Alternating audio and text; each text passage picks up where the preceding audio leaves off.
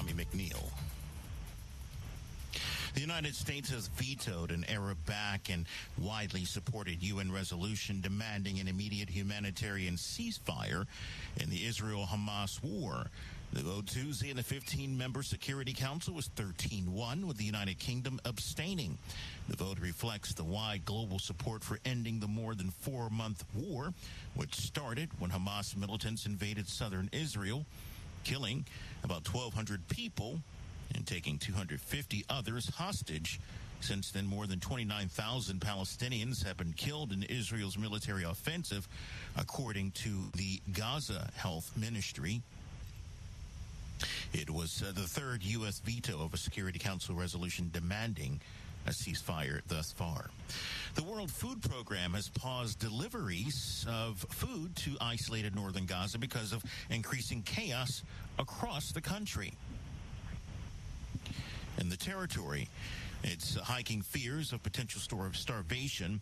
A study by the UN Children's Agency warned that one in six children in the north are acutely malnourished. Entry of aid trucks into the besieged territory has sharply declined by more than half the past two weeks. According to UN figures, overwhelmed UN and relief workers said aid intake and distribution has been crippled by Israeli failure to ensure the convoy's safety. And uh, this also amid its advancing assault and a breakdown in security with uh, hungry Palestinians frequently overwhelming trucks to take food. Again, the World Food Program now saying it has paused deliveries altogether of food to isolated northern Gaza. More at voanews.com. Again, voanews.com. This is VOA News.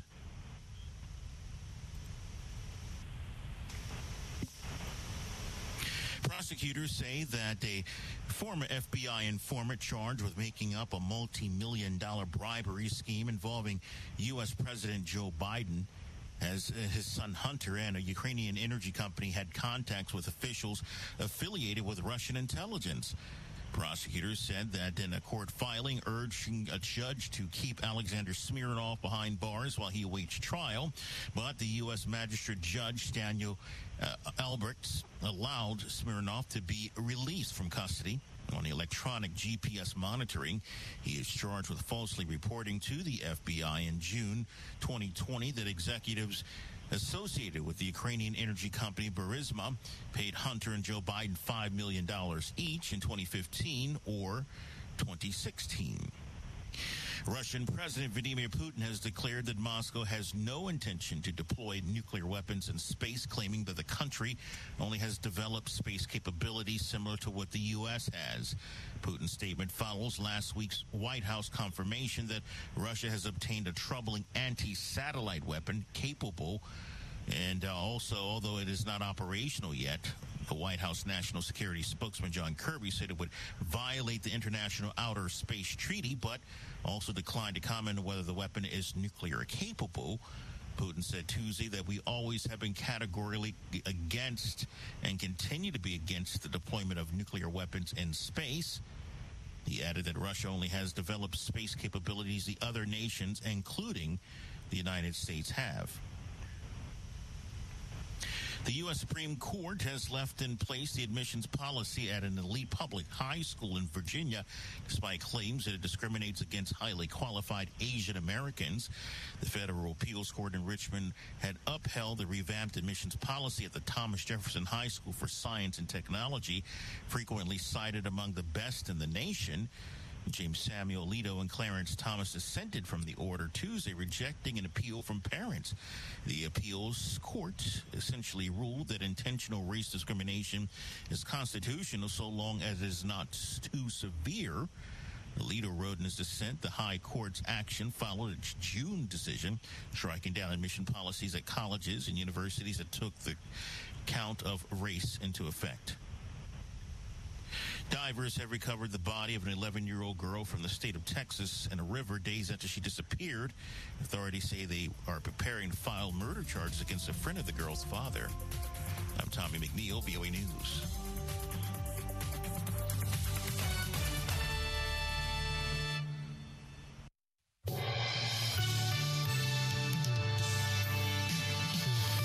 The U.S., for a third time, blocks a ceasefire in Gaza. Proceeding with a vote today was wishful and irresponsible. WikiLeaks founder Julian Assange begins what could be his last chance to stop his extradition. The United States plotted to murder my husband. He's being accused of journalism. And what is that awful smell in Cape Town? A foul stench wafting over the city center has pushed the issue into the spotlight in recent days. Today is Wednesday, February 21st, and this is VOA's International Edition.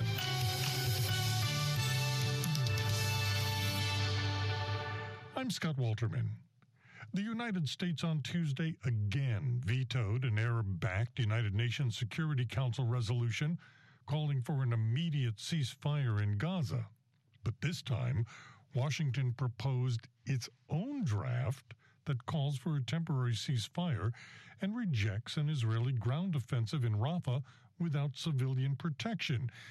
It's the strongest leverage yet that President Joe Biden has used towards Israel, a sign that his patience with Prime Minister Benjamin Netanyahu is wearing thin. Here's White House Bureau Chief Patsy Widakuswara with this report. Israel continues strikes on Gaza's southern city of Rafah near the border with Egypt, where more than a million Palestinians, some displaced multiple times by the war, seek safety. Their fate was discussed by diplomats in New York, where on Tuesday the United States again vetoed an Arab backed UN resolution demanding an immediate ceasefire in Gaza.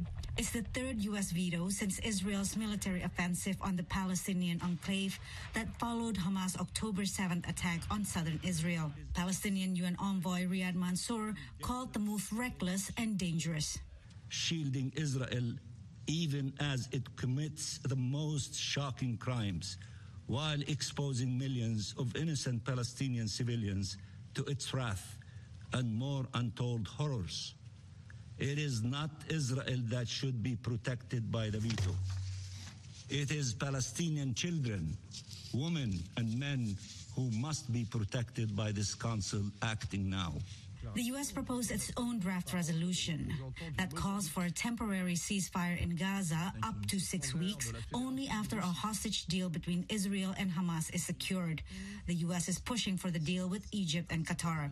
It also condemns the October 7th attack and makes clear that Hamas has no place in future governance of Gaza. In addition, our draft states there can be no reduction of territory in the Gaza Strip and rejects, as we have before in Resolution 2720, any forced displacements of civilians in Gaza.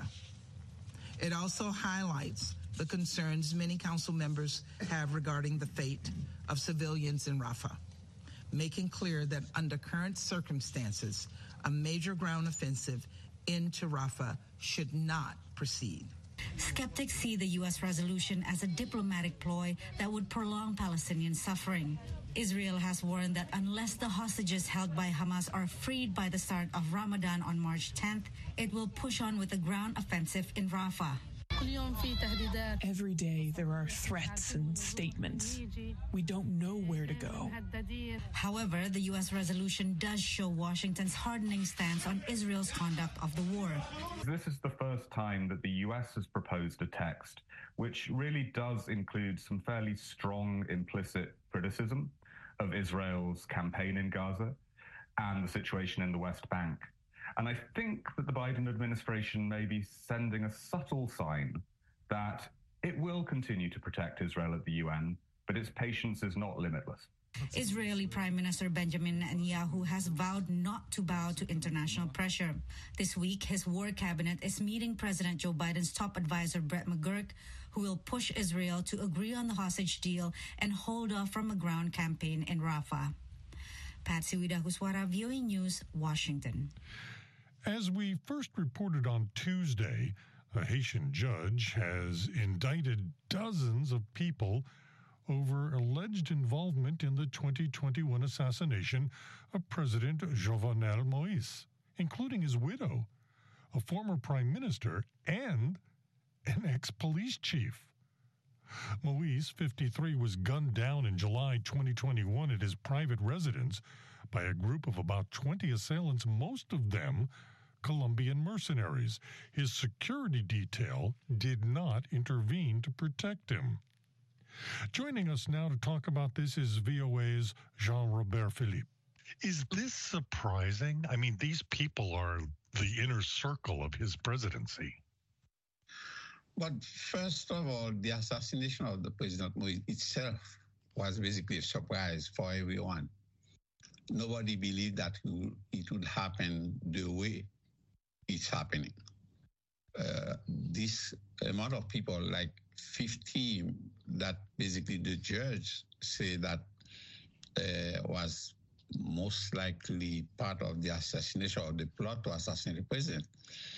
We didn't believe that numbers was a lot. We couldn't believe that that's what the way it is. But the judge has the information that nobody basically we don't have access to. So what do you think happens now? Is there enough government left in Haiti to arrest and try these people?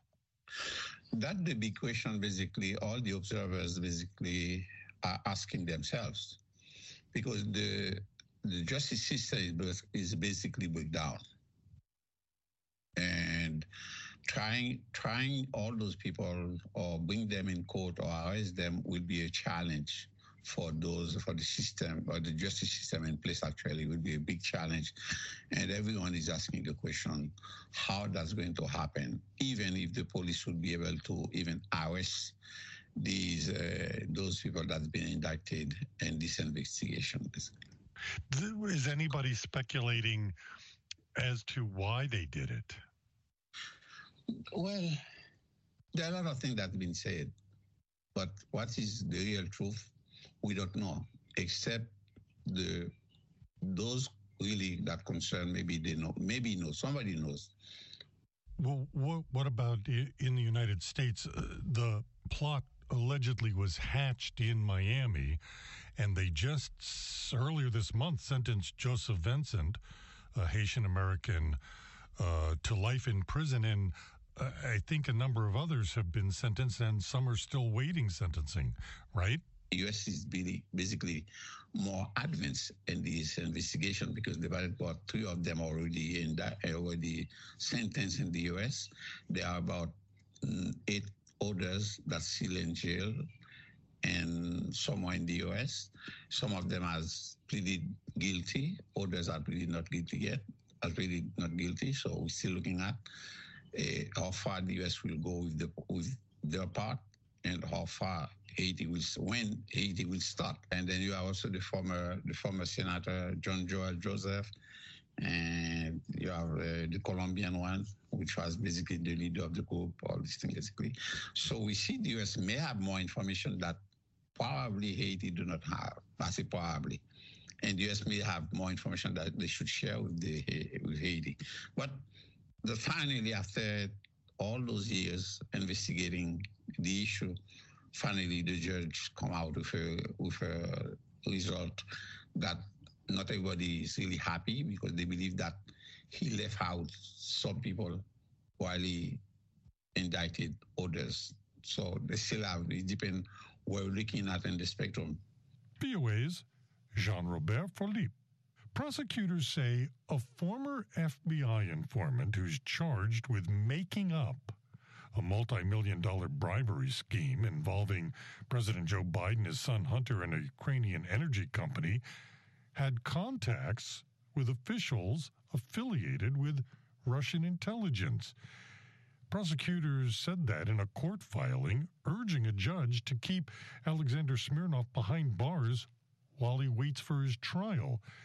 He is charged with falsely reporting to the FBI in June 2020 that executives associated with the Ukrainian energy company Burisma paid Hunter and Joe Biden $5 million each.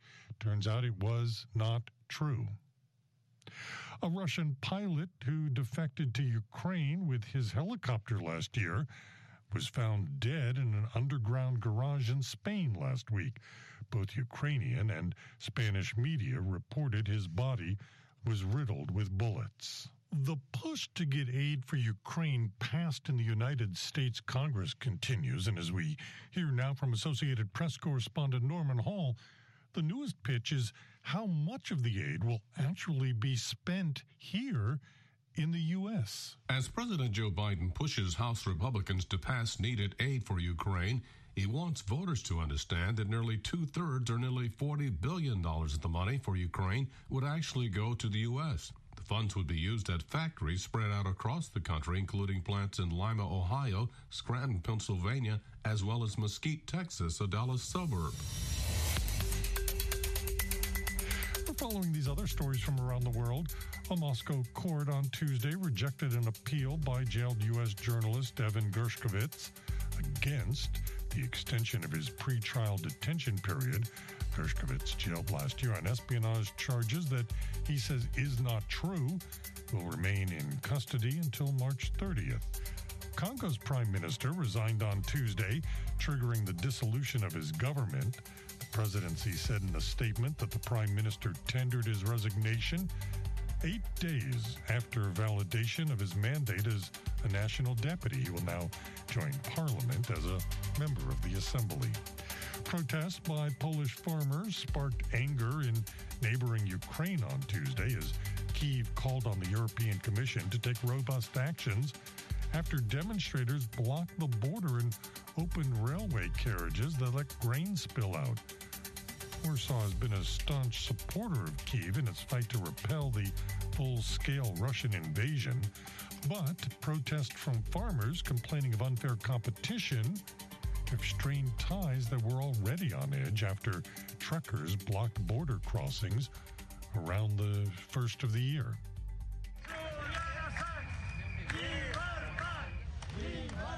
WikiLeaks founder Julian Assange began what could be his last chance to stop his extradition from Britain to the United States on Tuesday. Reuters correspondent Lauren Anthony reports that his lawyer is saying his case was politically motivated and a concern to journalists across the world. A two day hearing starting Tuesday could be WikiLeaks founder Julian Assange's last chance to stop his extradition from Britain to the United States. US prosecutors are seeking to put the 52 year old on trial on 18 counts. They relate to WikiLeaks' high profile release of troves of confidential US military records and diplomatic cables. Speaking outside the court in front of a crowd demanding his release, his wife Stella said his case was politically motivated. There is no possibility of a fair trial if Julian is extradited to the United States. He should never be extradited to the United States. He would never be safe. The United States plotted to murder my husband. He is being accused of journalism. This case is an admission by the United States that they now criminalize investigative journalism. It's an attack on all journalists all over the world. It's an attack on the truth and it's an attack on the public's right to know. Julian is a political prisoner and his life is at risk. She also likened his case to that of Alexei Navalny, the Russian opposition activist who died in prison on Friday while serving a three decade sentence. United States prosecutors argue the leaks put the lives of their agents at risk and that there is no excuse for his criminality. Lawyers for the US said their case against him was consistently and repeatedly misrepresented by Assange's legal team. But Assange's supporters hail him as an anti establishment hero and a journalist persecuted for exposing wrongdoing. Assange's legal battles began in 2010. He spent seven years in Ecuador's embassy in London before being dragged out and jailed in 2019 for breaching bail conditions. He has since been held in a maximum security London jail and even got married there.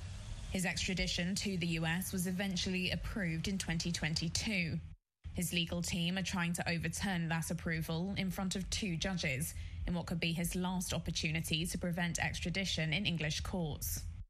Assange himself was not in court nor watching remotely because he was unwell, according to his lawyer. Edward Fitzgerald says if convicted, Assange could be given a sentence as long as 175 years, but it's likely to be at least 30 to 40 years. If Assange wins this case, a full appeal hearing will be held to again consider his challenge. If he loses, his only remaining option would be at the European Court of Human Rights. Reuters correspondent Lauren Anthony.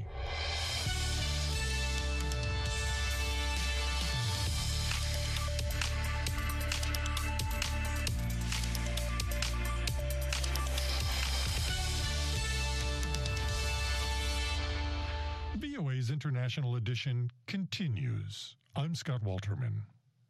While a lot of the fentanyl that makes it into the United States passes through Mexico, it now looks like Mexico itself is facing a growing fentanyl crisis. Reuters research finds that the opioid is growing in popularity across Mexico, especially the northern part of the country on the border with the U.S. Here's Reuters correspondent Diane Toe. The fentanyl crisis has so far not swept Mexico like it has the United States, despite Mexico being a major trafficking hub for the highly addictive painkiller. But research by Reuters shows fentanyl is creeping further into Mexico now, although the scale of consumption may be clouded by a lack of data and testing. That gap in knowledge concerns Maria Elena Ramos, director of the social service organization Compañeros. We don't have evidence of fentanyl. So this worries us a lot. Because if it passes through Mexico, some of it must end up here. And if it's on the streets, this affects people who are in difficult conditions homeless people, those without the means to go to emergency services. Mexican authorities have classified fentanyl as an emerging drug because of an uptick in users seeking treatment, with related figures remaining relatively low. According to the most recent available data, opioid users made up less than 2% of the some 168,000 people who sought drug treatment in 2022. And in 2021, fewer than two dozen opioid related deaths were officially logged. Compare that to the US, where potent synthetic opioids like fentanyl cause tens of thousands of deadly overdoses per year. But Reuters has found that more than a third of Mexico's 32 states lack equipment to detect whether the drug is present in corpses. Mexican health officials have publicly acknowledged gaps in the data. The nation's Addiction Commission director, Evalinda Barrón, who also oversees mental health, says it comes down to a matter of resource priority. She admits fentanyl is a concern, but insists Mexico is less predisposed to an epidemic because it does not have the same history as the U.S. of prescription pain medication abuse and heroin consumption. The use of fentanyl is not a public health problem now. We hope it won't be. We must bear in mind the opioid crisis started in other countries and that it had to do with the use of drugs for pain. In Mexico, fentanyl consumption takes place at border zones because of that phenomenon. However, some researchers argue that what data they can collect point to a possible growing epidemic. Fentanyl showed up in nearly a quarter of corpses tested since June 2022 in the border town of Mexicali, according to state data. There are concerns of people consuming it unintentionally, with studies finding fentanyl cut into heroin as well as party drugs like cocaine and MDMA. And as analysts say, criminal groups are diversifying their routes. Studies show the opioid emerging further away from border areas, all the way in central regions like Mexico City. Julian Rojas, who works with Compañeros, says the authorities' dismissive attitude is a problem, especially since it means people don't have access to life saving drugs in cases of overdoses. Talk that in Mexico there isn't fentanyl consumption, or there's minimum level consumption. This puts the user at a greater risk as it continues to make them invisible. The government doesn't recognize the use of Naloxone as a drug to revert opioid overdoses. This puts the users of drugs that circulate on our country's streets in a more vulnerable condition. Still, officials are sounding the alarm including through a public information campaign warning of the powerful drug's risks. Mexico's president said in January that while fentanyl consumption was low, the country, quote, has to be careful of it, adding that he was seeking more information about its use in different states. Reuters correspondent Diane Toe. And finally, protesters gathered on Tuesday in Cape Town where what they call a death ship carrying thousands of cattle is docked. Reuters correspondent Christy Kilburn reports the foul smell caused a stink in the top tourist city. Protesters in South Africa's Cape Town rallied against live animal exports on Tuesday. A foul stench wafting over the city center has pushed the issue into the spotlight in recent days. The source, according to a local official, a vessel in the harbor with 19,000 cattle on board. Animal rights campaigners call it a death ship. You know, we just get to, you know, be a voice for those that don't have a voice. Why do animals need to suffer in this way? There is another way to do this. The Kuwaiti ship is traveling from Brazil to Iraq. The local port operator said the Al Kuwait was docked in South Africa to pick up animal feed and medically assess the cattle.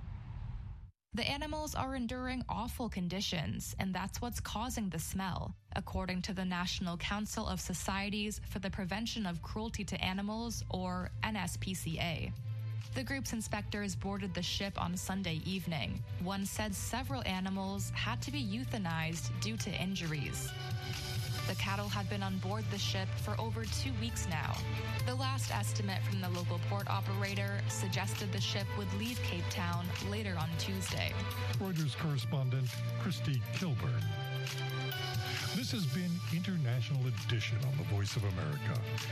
On behalf of everyone here at VOA, thank you so much for being with us. For pictures, stories, videos, and more, follow VOA News on your favorite social media platform and online at voanews.com. In Washington, I'm Scott Walterman.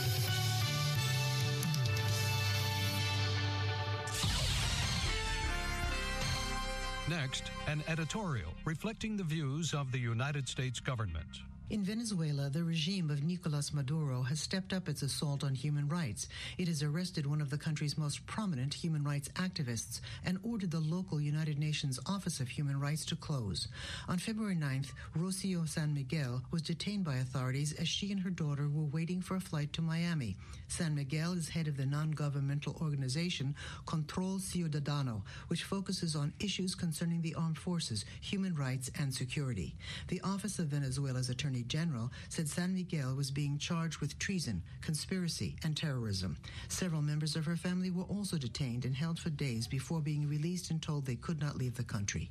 National Security Communications Advisor John Kirby said the United States is deeply concerned by San Miguel's arrest. He noted it comes at a time when President Maduro needs to meet the commitments that he made back in the fall about how they're going to treat civil society political activists as well as opposition parties. A reference to the Barbados Agreement signed by Maduro and opposition parties in October, in which Maduro pledged to work toward free and fair elections in 2024, including by allowing opposition leaders to run for office. Local and international human rights organizations condemned the arrest of Rocio San Miguel. The UN Office of the High Commissioner for Human Rights expressed deep concern over her detention and urged her immediate release and respect for her right to legal defense. Days later, the Maduro regime ordered the local UN Office of Human Rights to close and ordered staff to leave Venezuela within 72 hours. In October, when President Maduro signed the Barbados Agreement, there was a glimmer of hope that Venezuelans could restore democratic rule in their country. Since then, however, the Maduro regime has arrested journalists, civil society activists, and former members of the military. Venezuela's leading opposition candidate, Maria Corina Machado, has been disqualified from running in the presidential election. The United States, as National Security Advisor Kirby said, is watching developments in Venezuela very, very closely. The United States stands with the Venezuelan people in their desire to restore democratic governance and calls on the Maduro regime to release all political prisoners and return to the roadmap established by the Barbados Agreement. That was an editorial reflecting the views of the United States government.